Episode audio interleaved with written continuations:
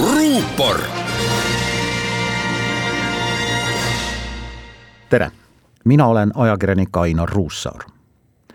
viiruse pandeemia lõpeb kolme nädalaga. sellise pealkirjaga uudis avaldati aasta tagasi sadades portaalides. allikana oli märgitud üks Briti teadlane sajad tuhanded inimesed võtsid moonutust tõe pähe, sest me ju kõik soovisime aasta tagasi ja soovime ka praegu seda uskuda tegelikult ütles Briti teadlane aasta tagasi, et epideemia kogub kolme nädalaga hoopis hoogu juurde. sarnaseid väänatud, et mitte öelda valeuudiseid, on koroona aastaga levitatud ja levinud kümneid tuhandeid, ilmselt enamgi.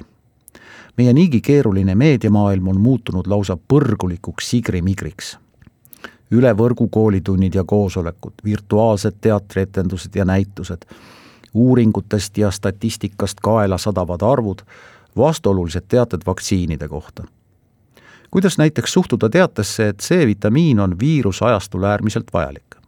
muidugi on, vitamiinid on vajalikud ka viiruse vabal ajastul, see on tõestatud ehk leidub kusagil maailmas ilmselt ka vitamiinivastaseid, pole nende hääl õnneks kuigi edukalt massiteadvust mõjutama pääsenud kuidas aga suhtuda teatesse, et C-vitamiin on viirusetõrjes edukam kui vaktsiin?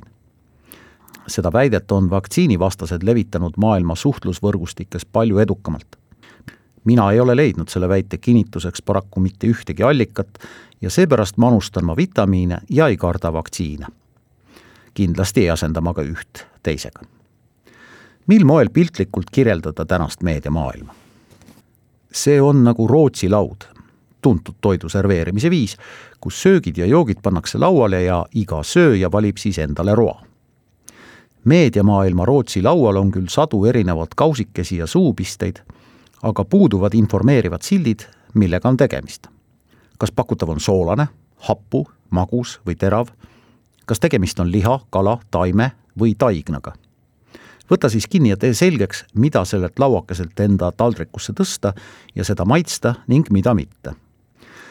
tegemist ongi keerulise teadusega, mille algtõdesid peaksime me siiski kõik teadma seda tänuväärsemad on eelkõige noortele suunatud algatused, mis aitavad meediaharidust tõsta.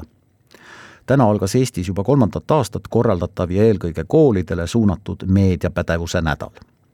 selle teemadeks on inforuumis valitsevate ohtude mõistmine ning nutimaailma ja pärismaailma vahel tervisliku tasakaalu otsimine kindlasti ärgitas noori meediamaailma ohtudele mõtlema ja neid mõistma ka Rahvusraamatukogu kampaania mis kutsus noori üles osalema kõige tõetruumate valeuudiste üle-eestilisel konkursil.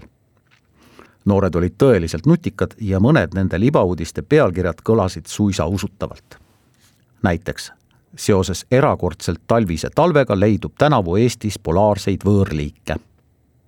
või siis Eesti suurim rändrahn murenes. ja see alates kahe tuhande kahekümne kuuendast aastast hakatakse Eestis vastsündinud kiibistama. faktikontrollist on saanud ajakirjanduse oluline tööriist valede päevavalgele toomisel ja nende ümberlükkamisel. paraku leitakse vastumürgile väga kiiresti ka uus mürk. selles mõttes on meediamaailm sarnane viirusega.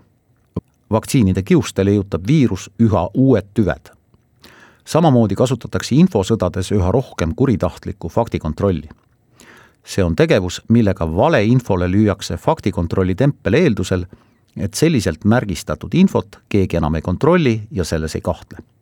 niisiis tähelepanu. doktor Google'i juurest võib ju keerulistel aegadel abi otsida, aga päris perearst aitab kindlasti paremini. ja ei maksa uskuda või veel vähem levitada teadet, et sellel aastal algab kool esimesel augustil. soovin kõigile selget pead. ruupor